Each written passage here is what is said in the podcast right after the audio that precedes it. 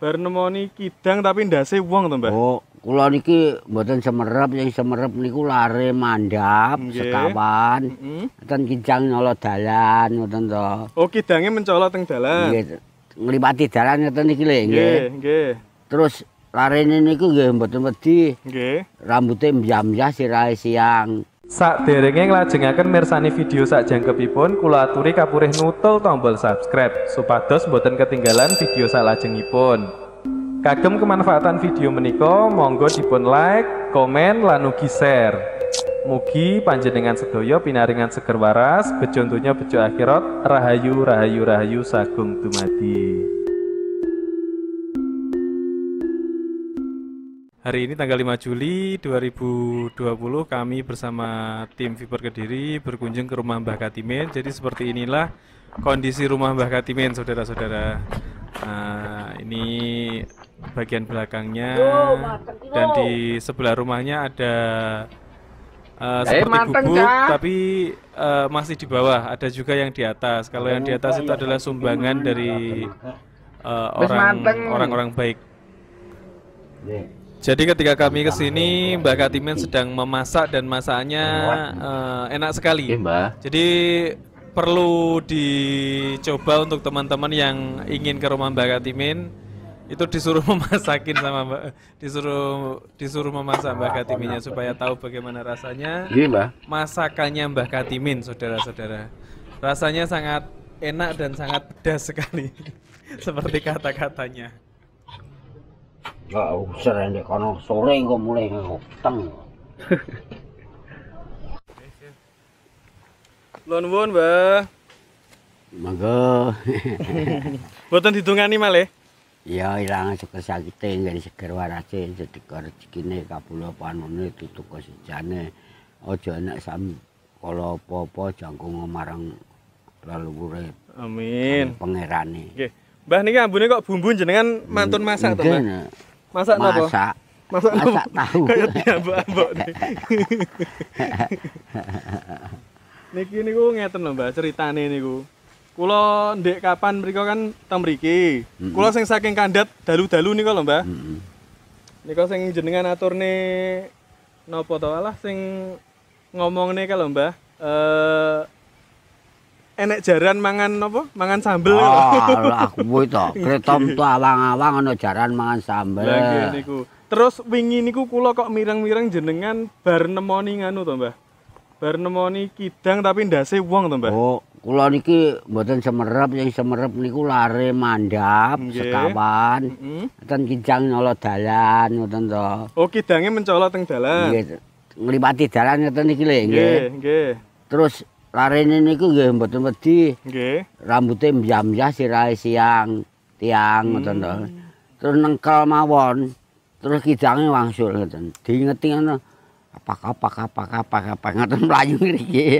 Ah. Melayu teng mriki. Nggih, n- nedhi ngeterne ngoten. Oh. Aku sesuk le malam minggu iki sesuk iki mbekon rono sesuk medun nang munggane tele-tele Terus pripun akhire? Nggih kula terne. Jenengan terne. Nggih, Tiang pinten, Mbah niku? sekawan. Hmm. Lari-lari sekawan. Berarti niku lek lek jere bocah niku pripun? Rambutnya krembiah-krembiah ngoten. Nggih kados ngiti kados tiang. Jaler napa setri, Mbah niku? Mbok ya ora ngerti aku ora tega. Nggih, nggih, nggih. Dadi lu larene niku epak-epak-epak keter mlayu ngriki kan ngeterne ngoten. Oh, koplok ngoten nggih. Nggih. Oke, oke, oke. Draft pertanyaan Om Haji Saka. Draft pertanyaan. Tinggi Mbah Katimin. Siap, siap. Nggih. Niki kula beto rencang kula sing paling ganteng dhewe sak niki Mbah sak Wono. Nggih. Mare mek dhewe gantenge. ah, Wono Kertosa. Wono Wono iki hutan, Mbah. Nggih. Terus jenengan pas teng mriki niku nate mireng cerita tentang niku, Mbah. Wah. Eh Kiai Butolo Coyo, Mbah. Mboten. Mboten nate nggih. Nate. Nggih, nggih. Lek biasane niku napa Mbah sing jenengan sering eh, manggi Mboten panggih. dawuh-dawuh ngoten nggih mboten nganu nggih. Wonten. Nggih, nggih, nggih. Nah, dalu niku wonten. Tiang niku? sanjang niku wonten nggih tempeken. Apa sandin? Nggih. Apa sarbawang adoh e. Hmm. Berarti Numpak nggih namung swara ngoten nggih. Nggih, numpak kereta. Nggih, nggih, nggih. Ya aku ya ora roh pasar. Otone timbreng tiang. Pun angin kendel, nggih enak masak nggih biasa. Gandane pun mambu gandane pun enak. Nggih, mambu gandane pun enak pun barek mawon, masak biasa. nggih. Nggih goreng balur, nggih goreng apa-apa itu biasa. Kula wingi nane kan nggih pengen kepanggih jenengan niku ngantos tilem teng mriki lho, Mbah. Niku enten gubuk saya niki sinten sing bangun, Mbah? Pundi to? Niki lho. Dhuwur teng dhuwur wit niku lho. Niki to. Nggih. Lari persatuan persatuan. Oh, nggih. Dadi senes Kula- senes panjenengan nggih. Mboten kula penging mboten kena. Oh. Nah nek daya jendru kene mak Oh, nggih, leres. Nggih apik berarti tiange, Mbah. danten lah sae. Nggih. Kula men aku ra duwe upah ra duwe ra duwe dhuwit. Aku ra iso ngopahi, aku nak ra ngopahi seneng barang riba aku. Nggih. Ora iki kahake cacah. Oh, ngoten. Mbah Min, niki kan eh, nembe-nembe niki kan wonten napa niki namine? Graono srengenge, Mbah. Hmm, Pun umum. Lah nggih. Terus nganu, masalah ini ku mboten namung graono srengenge. Dadi graono seng- srengenge terus disusul malih kali gunung eh gunung Bledos, gunung Merapi niku lho, Mbah. Nggih. Disusul malih kalih Lindu, Mbah.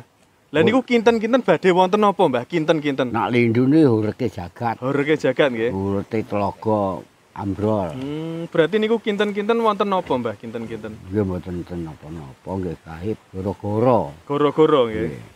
Lah nek lindu niku rata sak dunia niku lindu asli. Hmm. Nek cuma mboten dugi mriki mboten dugi mriko niku gunture gunung niku horek. Oh, berarti saking gunture gunung niku wau nggih. Horek mriko mboten horek mriki horek ngoten. Nggih, nggih. Kamare gunung mriku guntur lan niku mriki horek. Hmm. Lintune mboten. Nggih, nggih, nggih. Lah niku kinten-kinten, Mbah, lek pertandane men riyen jenengan nate di napa dongengi kalih tiang-tiang sepuh niku badhe wonten napa, Mbah? Kinten-kinten. Nggih anu mboten nenten napa-napa nggih horek jagat bledas niku sumpeke cara wong ngene sumpek. Hmm. Mboten kena wong mboten kena ditata. Napa mergo wong muni corona-corona niku, Mbah? Eh, Lah kolonel kolonel gayan. Kolonel, kolonel. gayan. Mbah, jenengan nate melampah teng waktu bengkah, Mbah? oh biasa niku. kula. Biasa ta mriku. Pados napa, Mbah niku, Mbah? Mbok padha napa ngene mbok nggih ngluyur-ngluyur nak kula niki. Nak tiang-tiang nggih pengen nang gunung kula watu Nggih. pengkang ngoten niku. Tene sepuh-sepuh kula sejarahi Pripun? mboten purun. Lah teng napa? Lah ampun ngerti. Mboten lek jenengan mboten pados sasmita gaib ngoten mboten nggih. Dan gunung bengkah kuwi gunung ki gunem. Nggih. Nak wis bengkah Nggih. ambil wong wedok bengkah, wong wedok terus yang jago ngakeh. Oh, ngaten. Berarti kados wong bayi, Mbah nggih. Nggih, lha niku tradane tiyang yang goblok-goblok niku yang pinter-pinter niku to. Oh, berarti gunungane wong wedok bengkah ngoten nggih. Lah gunung niku gunem. Oh, gunem. Nak wis nak wis samar wong wedok apa ya gak bayi. Oh, nggih. Yang Sakit jago bayi nggak, nggih? yang jago ngakeh. Terus dipasang popok. Dipasang sandangan. Lah niku tak pasang sandangan niku abene. Pendak 17 dipasang gendera. Oh, nggih nggih nggih nggih nggih. tiga tigang tigang ponto Jombang hmm. Manjuk Kediri keke pundi niku tebih wis tunggal niku tiga dan niku nopen pas nak tiga niku salake popoke salake klambine niku Wingi niku ngeten, Mbah. Kene kene kene. Nunggu kene, guys. Nunggu kene, guys. Oh nggih, jere jere jere. Kula wingi kalih rencang-rencang kan sowan dateng mriki. Lah jenengan ngepasi wangsul wangsul tengesong Oh, rejek- Nang song ora diparani anak ngopeni wong mati separo nek mbaban kono to Le. hmm Di ngoten. dokterne mboten kena, diturut angger wong ya ora kena. Lah ora ngerti. Oh wah kok eh, ngurut ya angger pokok mijat ngono Oh ae. ngoten. Mbok gak roh jalure otot ngono. Lah aku lak wong kuno, kawak. Nggih. Jenengan kuno sanget, Mbah. Langka. Upama ya ngene iki digoleki sret sret sret. Hmm. Nggih. Ini goleki. Yang lara yang di. Yang lara ya iki. Wah, lanjut Mbah, sedaya. Yang lara iki. Nggih, sepeda Mbah saestu. Nggih, nggih. Ngeten iki nggih lara niki. Ngoten Lah, mboten waktu sepinten. niku kula kan nginep tilem teng mriki, Mbah. kapan lho? Nggih, minggu kepungkur. Pokoknya jenengan pas wangsul dateng ngesong. Hmm. Lah, ngapunten kula dereng izin. Mendet napa? Telo, Mbah. Ah, Jebol tel- telo, Telake kok. bakar telo iki. Nggih. Teng mriki, teng mriki, Mbah.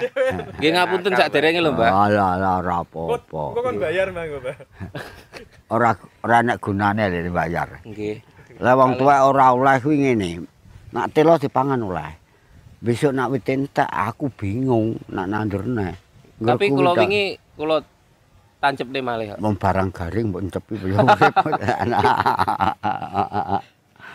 Nggih, nggih. Mboten napa-napa nggih, Mbah. Gak Nggih, apa-apa nyuwun. nak duduk telo iku kudune di Alhamdulillah. duduk berarti pek telane tok aja nganti wis rubuh. oleh izin. Mbah jenengan pernah napa jelajah sedaya klothok niki? Sampun napa dereng? Terang omahe ya tekan dindik. no. Hmm.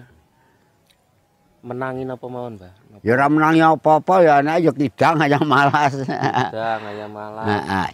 Manuk-manuk kuwi, Oh. ya luwak-luwak kuwi. Nggih mungkin makhluk-makhluk ingkang lelembut ngoten lho, Mbah. Oh, ya ora gelem nyedek manusa kuwi lak omonge wong ngono. Hmm, ajrih kali jenengan nggih. Kabeh wedi ambe wong ngono kuwi wedi. Hmm. Yen gak wedi ndruwo wewe anu tundel bolong gak duwe wedi. Lho, lah kok napa? Hmm, Sebabe dhewe-dhewe hake. Nak medhi barang ora eneng ngono. Hmm, nggih nggih. Kuwi lak wong yen wedi. Lanjut Om Raka. Gak aku megur pengen Oh, nyanding kok. Padha lek ngono.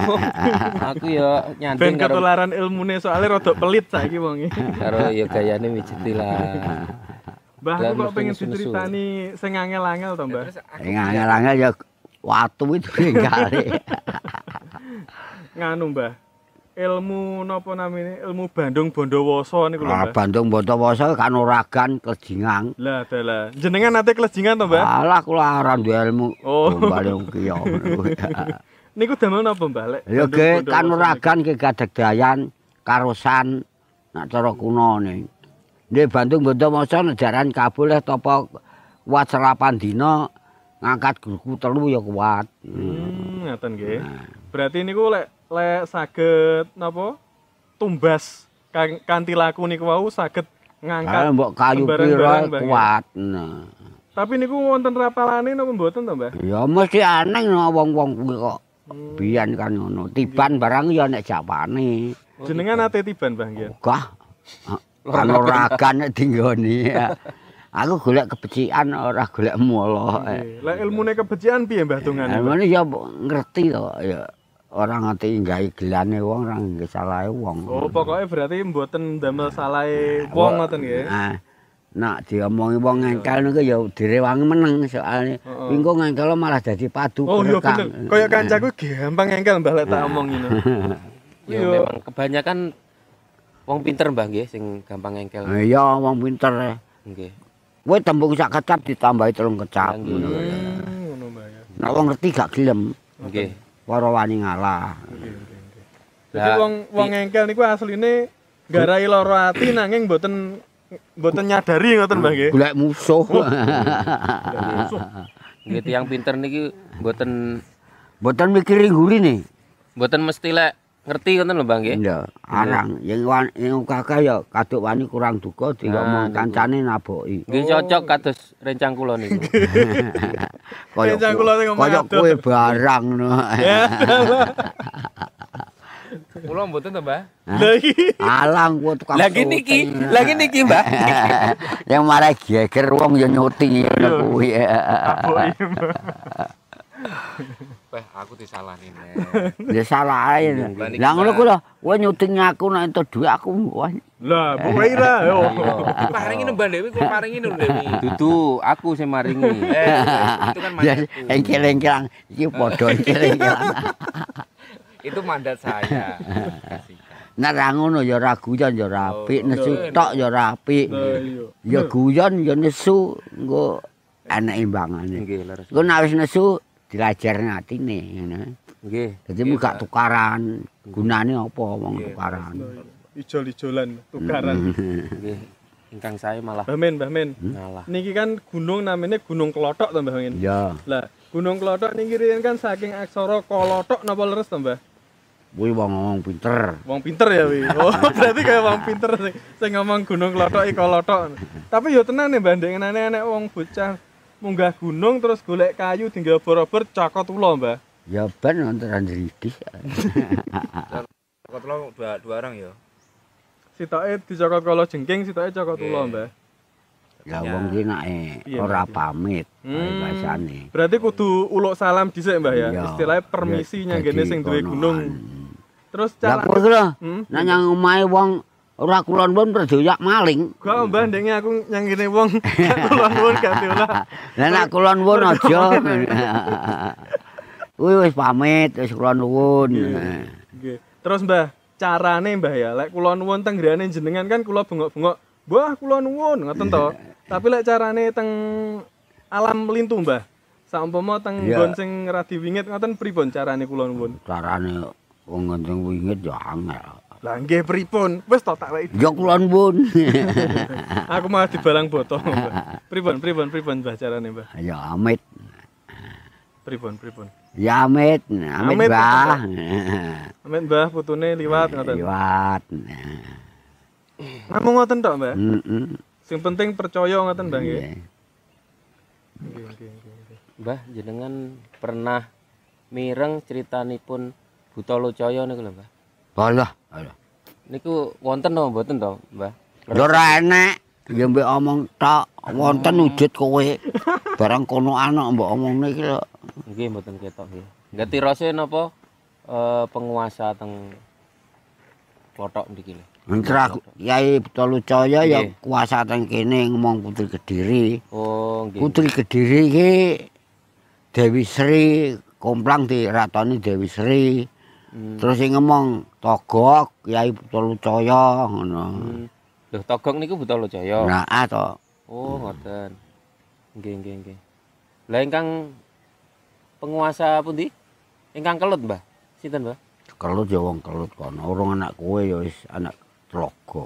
Urung anak wong-wong kono wis mesti tlaga. Puyuhan duyuwi kelut. Lah kowe iki ya ndek silet ndek uyuh isang. Kuwi kuwi anu le, cara anune pemimpin kuwi. Sing pundi Mbah? Keluti, Oh, malah pemimpin Mbah nggih. barang keluti ngeluti wong tani nandur gak iso mangan dikeroyok keroyok walang sangit kewan-kewan sapu. Riet danawu ngono. Oh, ngeluti, Mbah. Kuwi Ngresiki, percaya ngresiki. ngresiki ngresiki omo. Ya manggone tan kali wis ronggone uyuh mbae diinggoni tandang lar. Ten- tendang lahar. Kalih napa niku? Niku leh teng Mas Kumambang niku lho, Mbah. Boncolono. Bantulono. Nggih, ceritane pripun, Mbah? Jenengan Bantulono ki ya gua kuwi beteng kuwi beteng Seromanen, Seromangkleng kuwi ngethek Ratu Njong Brajit Madarata. nggih. Zaman kuno nak perang kalah mlayu ning jero kono. Nggih. Kuwi di- pujan. Nah, Niku senes sarean nggih, Mbah nggih. Sing Tu sing pujan. Beteng Seromanen ngethek Ratu Njong Brajit Madarata, ratune Madarata kuwi biyen mak kuna-kunane. Hmm, Lah niku kuwi gawe beteng pujan kuwi. nggih. Nek enek perang gawe ndelik ngono lho. Hmm, Wong j- padha kerekang nggih. di bandel. Kok nek dikabuli yang dhuwur dingakne teko segara kidul. Hmm, nggih leres niku. Eh, ya leres no. Jenengan Aku, aku iki wong apa kuwi. ya wong kuno-kuno yang lakoni banter nek Lek. kuno. napa? Ngidul Segara Segara kidul. kidul. Nang ulon nang Ngilen. Solo. pundi? Solo. Solo. Oh, Solo. kuwi omonge wong kuno. ngaler Ora Ora enek. enak. Ora dikujane kok yang eh. dikujane Oh, gak enek. idul. kok. oh, Kujane idul lah minggu. Lama ki mek gur ngidul areng ngulon tok, guys. oh iya Nah dikabuli singakne le. nggih nggih Terus Mbah, jenengan wau kan matur gendruwo kali sundel bu napa? Ya wewe. Wewe, sing nggih. gondong. Niki teng teng daerah mriki napa wonten, Mbah? Lah sian yo membrek ka wong yo ngalih di. Loh, nalikane jenengan babat tasik wonten. Oh, kuwi sarang kadi. Arangkading tapi nate Cek jaman londo m- ndruwo barang ya. melu berjuang, Mbah. Ya ora yo Ora, tak ngedeni. kira melu berjuang. Nana wong liwat yo ngedeni mengkrong nek dhuwur ngono. Ngoten nggih. Jenengan nate dideni, Mbah. Oh, warek kuwi nek ndruwo. Pripun lek jenengan pas dideni niku? Napa Iya. nggih kepuyuh-puyuh bareng, Mbah? Mboten. Mboten pripun? Nyapa ya jarne ae. Mboten jenengan pisuwi, Mbah. Jarne ae. Jarne. Nang duwe kerep ngedeni wong nek jaman rung nek wong ki. Hmm. Nggih, nggih, nggih, nggih. Pripun, Mbah? Napa lek ngedeni kadang Kok kadang ngedeni pripun yo manek-manek ngono kuwi to le. Eh. Oh. Mengkrong, rusak, rusak ngono kuwi. Ora Oh. Gak- gak ngantem-ngantemi apa ngono gak, Mbah? ora. Ngono wis mengkiri kabeh gulu kok sana. Pun kroso mbah Krasa misalnya teng jenengan selama teng mriki nggih biasa ngoten niku gak enak. Jamane wis ngene iki ora ana apa-apa. Hmm. Nek ngono putih kabeh. Hmm. Wah, iya Niku pocongan niku, Mbah. nggih? Ora pocongan nek nang wedon kuwi. niku bedone medon karo pocongane pripun to mbah Ya padha, oh padha to padha e. putihe. Tirose saged nyembur ngoten mbah Ya nek ra kepener sembur ya abuh. ora trimo apa ini gosong disembur tirose saged melu geni ngoten geni Ora lho. Oh, mboten to. mboten